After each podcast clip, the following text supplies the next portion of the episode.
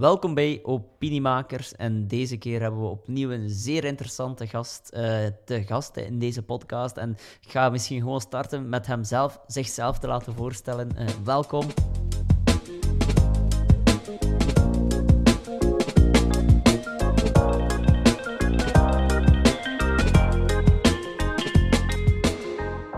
Dankjewel. Uh, dus ja, ik ben Hassan Alhido. Ik ben een Nederlander, opgegroeid hier in het Brusselse. Uh, op 15 jaar mijn eerste tech-onderneming gelanceerd als de jongste ondernemer van het land. Uh, en dan nadien vooral heel veel passie en interesse gehad in uh, meer het maatschappelijke thematieken, waaronder diversiteit en inclusie. En dus ik begeleid vooral bedrijven om het thematiek goed te begrijpen en ermee aan de slag te gaan. Op vlak van werkvloer, maar ook commerciële doeleinden. Uh, en anderzijds oprichten van uh, Capital, dat is onze uh, no-profit werking, waar we maandelijks rond de 1500 Brusselse jongeren via innovatie ondersteunen in het bereiken van hun talent en doelstelling. En ook bestuurder bij UNICEF, dat ik heel hard uh, apprecieer. Voilà, een hele boterham uh, of een mond vol. En, uh, dus ehm, ja, laten we misschien even terugkeren naar, naar het begin. Ja. Je bent op hele jonge leeftijd gestart met ondernemen. Je hebt daar ook wat awards of een award voor gekregen. En van waar die motivatie om, om zo jong al aan het ondernemerschap te starten? Zeer schone vraag. Ik krijg dat regelmatig. En om eerlijk te zijn, naarmate ik er vaker over denk, naarmate ik wel die intrinsieke echte redenen uh, begint te begrijpen. En ik denk, op 15 jaar ben ik opgegroeid met ouders die financieel heel arm waren, maar kennis zeer rijk. En dat houdt in dat ze eigenlijk niet de centen hadden om het normale kosten te betalen die eigenlijk een 15 jaar hoort te doen. Activiteiten, um, schooluitstappen enzovoort. En dus voor mij was het meer vanuit financiële principe dat ik financieel zelfstandig moest worden. Nu natuurlijk, als 15-jarige in België is de optie heel klein om uh, een job uit te voeren enzovoort. En dus uh, was eigenlijk de enige optie die ik dan besefte, het worden van een ondernemer. Daar was mijn vader ook een rolmodel voor. Hij had uh, in Irak, wegens overlijden van mijn grootvader, ook op zijn 12 jaar een boutique geopend om zijn familie te onderhouden. En dus ik besefte eigenlijk van oké, misschien moet ik ondernemer worden. Dus dat was het eerste reden, dat is het financiële. Maar eenmaal dat in orde is en eenmaal je financiën goed hebt, ja, dan begin je natuurlijk jouw passie te volgen, de energie die je uithaalt enzovoort. En dus nadien als ondernemer ben ik meer mijn passie beginnen te volgen. Ja, en nu, nu breng je uiteindelijk de, de skills en de kennis, als ik het zo mag zeggen, die je toen en vandaag nog altijd opdoet, uh, verwerk je nu ook in, in jullie non-profit uh, werking. Hè? En, en hoe belangrijk vind je die, die ondernemende spirit in, in het ja, begeleiden van andere jongeren? Kijk, dat is van cruciaal belang. Als je vandaag naar cijfers kijkt, alleen van Brussel al, al waar we met Capital op richten, hè, maar we kunnen ook buiten Brussel kijken. we zijn met 26% jeugdwerkloosheid in Brussel. We zijn met 11% van de jongeren in Brussel die hun secundaire diploma niet behalen. 10% van de jongeren in Brussel behoort tot de niets-categorie, not in employment, education en trainee. Dus dat betekent dat we aan de top van Europa zijn qua stedelijke negatieve realiteit. En we moeten dat oplossen, of anders uh, kunnen we vallen. En ik vind Brussel een laboratorium uh, met enerzijds die uitdagingen, anderzijds heel veel opportuniteiten. En dus heb je die ondernemerschap nodig om met creatieve oplossingen te komen, om toch al die talenten een opportuniteit uh, te kunnen geven. En daar heb ik als ondernemer uh, een cruciale rol in gespeeld. Een van de punten eigenlijk als oprichter was het feit dat we um, financiën moeten vinden op een manier dat uh, bedrijven diensten oftewel producten van ons kopen. Dus dat we niet afhankelijk zijn van donaties of andere soorten budgetten, maar dat ze daadwerkelijk gebruik maken van bepaalde innovatieve diensten die we op poten zetten. Wat zorgt dat we een duurzaam financiënmodel hebben. Dat enerzijds. Anderzijds, als ondernemer wil je natuurlijk um, uh, zoveel mogelijk impact bouwen. Uh, en dus dat doen we hier constant met een heel schoon team. Constant kijken naar meer impact, meer jongeren bereiken, meer hun te kunnen uh, begeleiden. Dus dat heeft mij wel geholpen, die ondernemende karakter. Nu, enkel ondernemen in de no-profit zijn, zou voor mij uh, niet voldoende energie geven. En daarom dat ik ook daarnaast, of vooral als hoofdactiviteit, een ondernemer ben, nog steeds om toch mijn commerciële energie ja. te kunnen gieten. Ja. En uh, je wordt uh, ook vaak in media natuurlijk uh, gepositioneerd als een opiniemaker. Je dwingt dat uiteraard ook zelf af. Maar ja, ik denk dat in een context als hier dan, waar we de, binnen de Divisie 2 het hier aan het opnemen zijn, dat dat ook een stukje een belangrijke rol is die opiniemaker zijn voor collega-jongeren. En hoe ga je daar dan zelf mee om? Kijk, ik uh, geloof, uh, enerzijds ben ik een opinie omdat gewoon elk van ons en ieder van ons wel een opinie heeft. Hè. Het is gewoon het geluk dat de media vaker mij aan bod bent dan een ander. Hè. Maar eigenlijk ga naar een café en je hebt honderd opiniemakers die ieder wel een koning uh, zou kunnen schrijven. Dus ieder van ons een opinie Nu heb ik gewoon meer het platform om mijn meningen te delen. Wel minimaliseer ik dat. Hè. Dus ik ben niet iemand die constant elke week in het media te horen ben. Al krijg ik die vraag wel. Maar ik vind van als ik in de media kom, dan liefst wel op een juiste moment met een juiste punt. Dus ik kies ook echt heel selectief wanneer ik wel spreek en wanneer ik uh, niet spreek, om toch wel die aandacht te behouden van, uh, van het publiek eigenlijk. Hè? En mijn boodschap goed over te kunnen brengen. Dat enerzijds. Anderzijds, vanuit het jeugdwerk waar ik actief in ben, heb je heel veel verschillende meningen die ik kan delen. Tegen ook heel veel beleidsmakers, tegenover uh, de bedrijven, tegenover het maatschappij op zich enzovoort. Je kan bijna op alles wel een mening hebben, omdat we met de meest kwetsbare werken. Nu, de vraag is, welke rol wil je opnemen? Ben je de activist of de diplomaat? Uh, binnen de sector. En ik heb toch altijd wel meer geneigd om het kritische diplomaat te zijn in plaats van die activist. En die activist is diegene die bij elke, laten we zeggen, beweging op straat gaat en begint te roepen, inclusief te beginnen te zeggen dat jij als bijvoorbeeld beleidmaker het fout doet. Hè.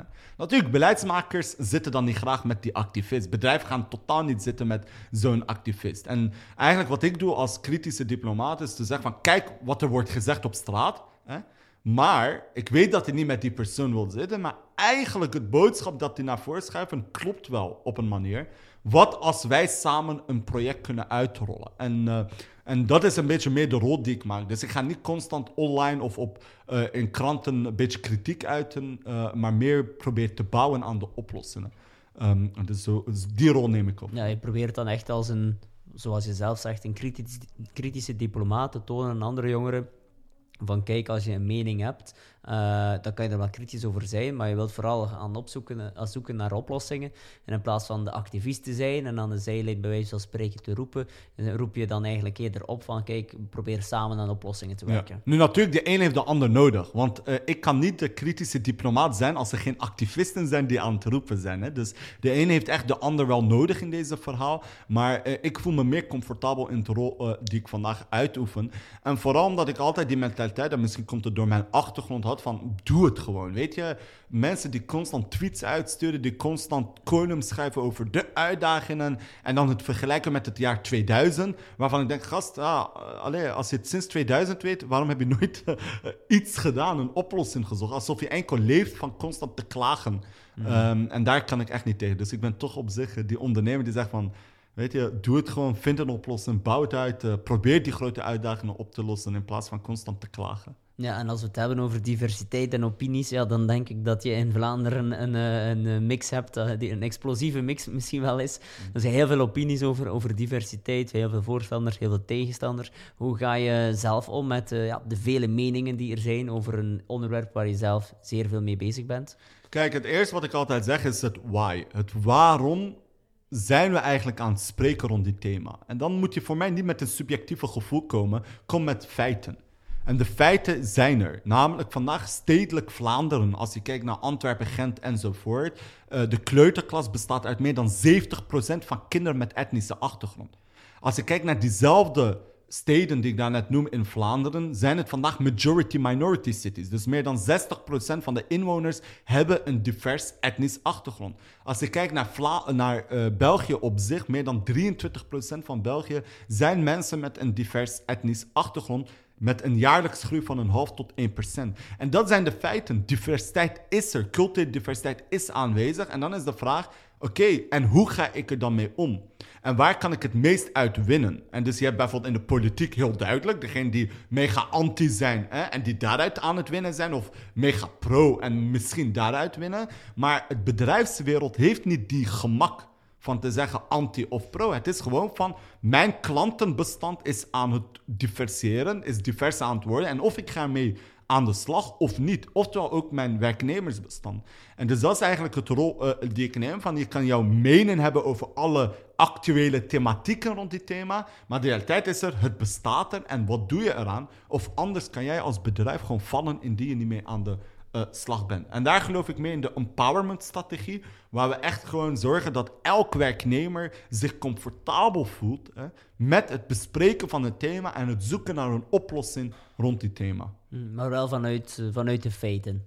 Vanuit de feiten enerzijds, en natuurlijk het gevoelens kan je wel naar voren schuiven, maar dan gevoelens vanuit het conversion strategy dat ik noem altijd. En dat is context, eh, conversatie eh, ehm, en content. Hè? Waar velen eigenlijk alleen focussen op het content aspect, namelijk het creëren van nieuwe content, teksten. Ah, we moeten deze woord veranderen. Er er is gewoon te veel energie dat aan de content wordt gestoken. Terwijl we meer energie in de context en de conversatie moeten steken om dan eigenlijk de verrijking intern te gebruiken. Maar ik geloof dat elke bedrijf pionier kan zijn in het verhaal van eh, eh, diversiteit, omdat je op zich in een bedrijf één doel hebt. En dat is bijvoorbeeld winstmaximalisatie en impactmaximalisatie. En om die doel te bereiken, is de feit dat je met diversiteit het veel groter kan doen.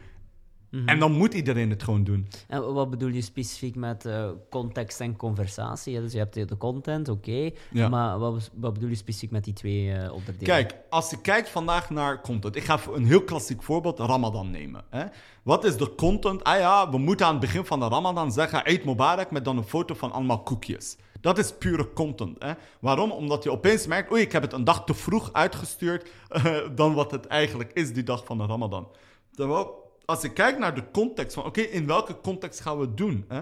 Ehm, is het gevoelig of niet? En waarom zou het misschien gevoelig zijn? En waarom zou het misschien die gevoeligheid weggehaald kunnen worden? Of hoe kan die gevoeligheid weggehaald worden? En dat doe je door gesprekken te voeren met alle actoren die eigenlijk daar een stem in eh, willen hebben. En dan ga je merken dat de content die je uitstuurt veel breder gedragen is, maar ook veel schoner is en waar velen meer eh, van leren. Waar vandaag de dag het vooral communicatiedepartement is die gewoon iets uitstuurt. Ja, ja, dus je gaat eigenlijk echt gaan kijken van wat zijn de potentiële risico's of opportuniteiten in de context waar wij als bedrijf, organisatie, overheid hè, in, in leven. En je gaat dan eigenlijk gaan in conversatie gaan om die hypotheses, die opportuniteiten echt te dubbelchecken, goed te begrijpen, om Ja. ver- vervolgens daaruit dan eh, goede content te maken. Precies. En daarmee verder gaan. En dan meer dan content is gewoon beleid. Hè? Dat is het feit als je met conversatie aan de slag gaat, ga je ook echt beleid, ga je structuren trachten te evolueren en veranderen. Maar eh, eh, liefst vandaag voor morgen, want eh, voor bepaalde bedrijven zijn ze al te laat. Of gisteren dan. Ja, ja gisteren is al voor mij voorbij. Hè? Dus, Eh, Goed, en, en laten we even nog eens terugkeren naar, naar het begin. Dan had je het ook over ja, het ondernemerschap en jongeren. En we moeten een beetje meer empoweren ook. En ondernemerschap, het ondernemer zijn of het ondernemen, ondernemend denken kan er, kan er een hulp in zijn. Ehm, wat is volgens jou, als we het dan hebben over opinie, opinies, de, de, de beste manier om de opinie te veranderen van jongeren die soms denken van ik kan niets of ik heb hier geen, geen- niet de juiste tools, niet de juiste context om er toch, zoals jij hebt gedaan, van, vanuit je 15e, oké, ik ga hier het heft in eigen handen nemen, maar heel veel jongeren hebben niet die, die positieve ja, mindset of niet ook altijd het gevoel van geloof te hebben dat ze dat kunnen. Wat is jou, volgens jou de beste manier om toch die opinie te hebben om het heft in eigen handen te kunnen nemen? Kijk, ehm, wat ik hiervan belangrijk vind is enerzijds dat vaak jongeren eh, hun menen rond ondernemerschap niet uit het klassieke media halen, maar vooral de medium waar ze vandaag actief op zijn. En als je kijkt naar eh, TikTok, dat toch wel het meest gebruikte medium is bij de jongeren met wie we werken, eh, horen ze heel veel over ondernemerschap en wensen ze ook ondernemer te worden. Natuurlijk, welk soort beeld van ondernemerschap krijgen ze te zien? Dat is niet de beeld van eh, de bakker in je straat, waar je dagelijks ziet dat hij om vijf uur in de ochtend de lichten opent om aan de slag te gaan met de brood te maken en eigenlijk na vijf jaar nog net een, eh, een mooie auto, of zelfs nog niet die mooie auto heeft kunnen kopen. De, de dat is de bitcoin, een bitcoin ondernemer. like, het is de Bitcoin-ondernemer of de real estate investor die dan eigenlijk zegt van up en ik verkoop nu een, een mansion voor 20 miljoen euro eh, en daarmee commissie om een Bugatti te kopen. En dan opeens komen ze naar mij, die jongeren, en zeggen ze en ik wil ook real estate investor worden. Eh, waarvan ik denk, gast, maar in jouw straat, wie, wie heeft het gedaan? Hè?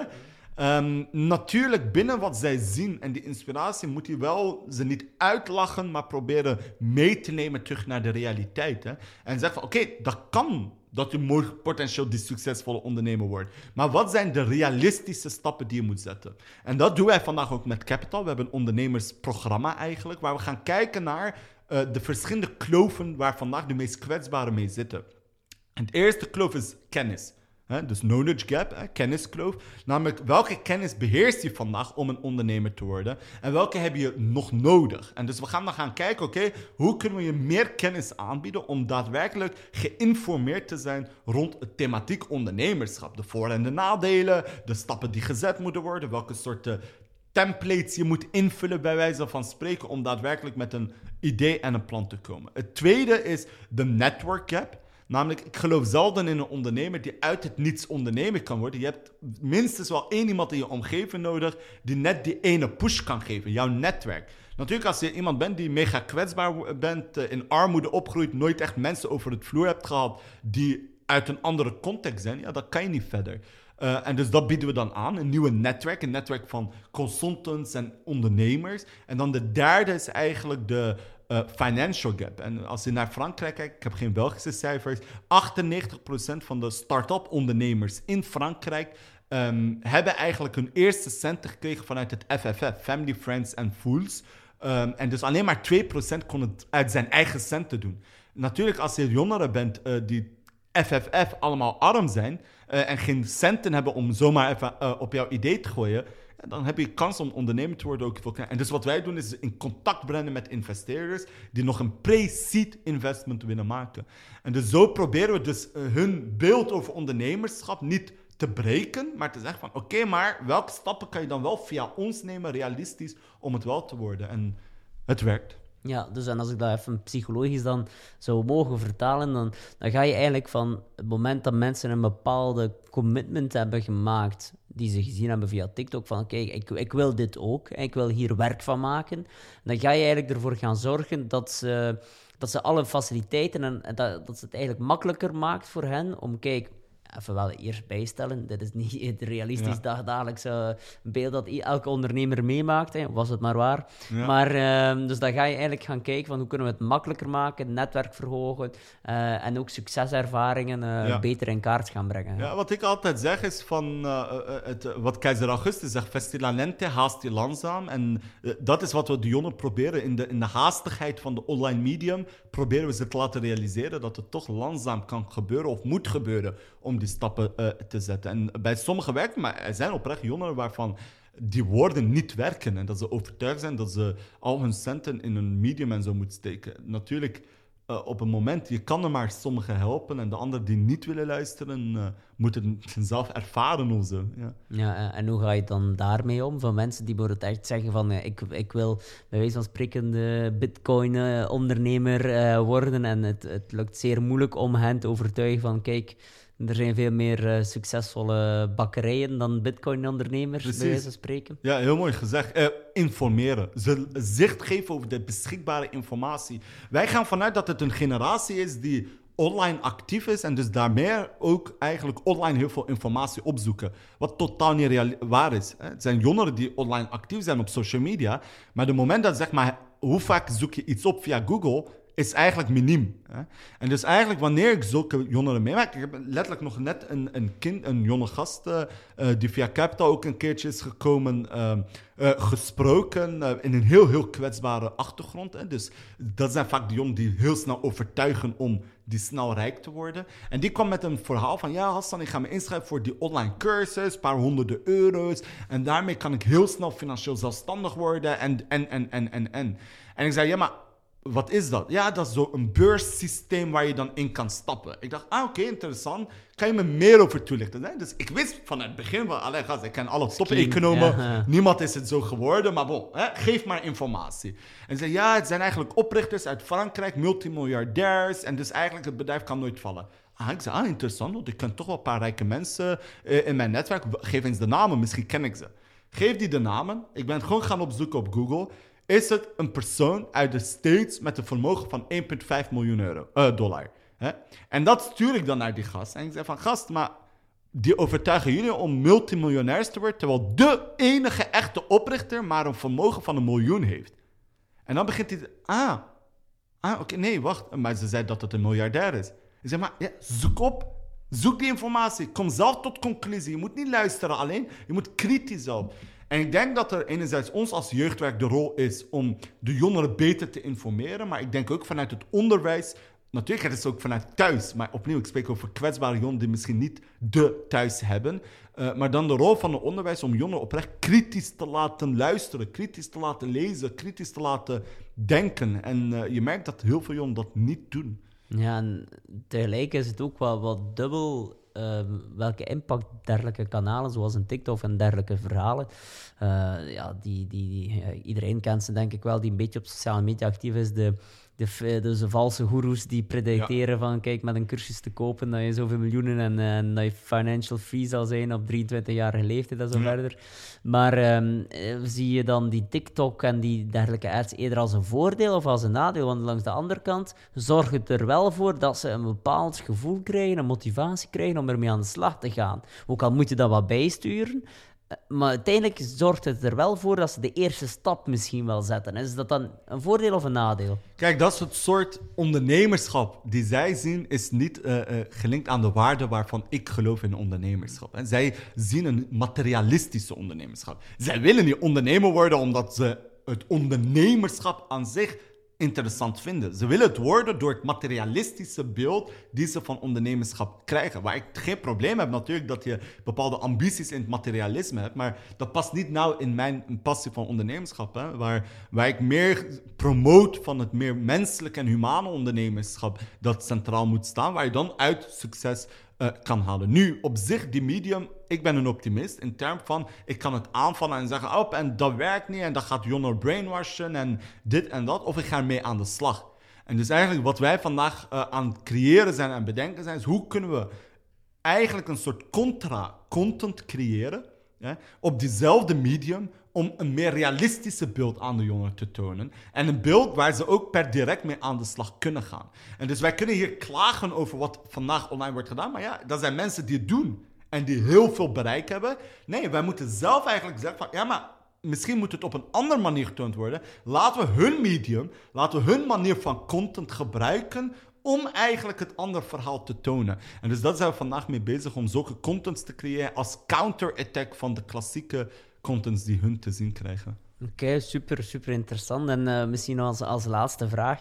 Uh, ja, je werkt ook uh, zelf als consultant, heb je gezegd, voor, bedrijven.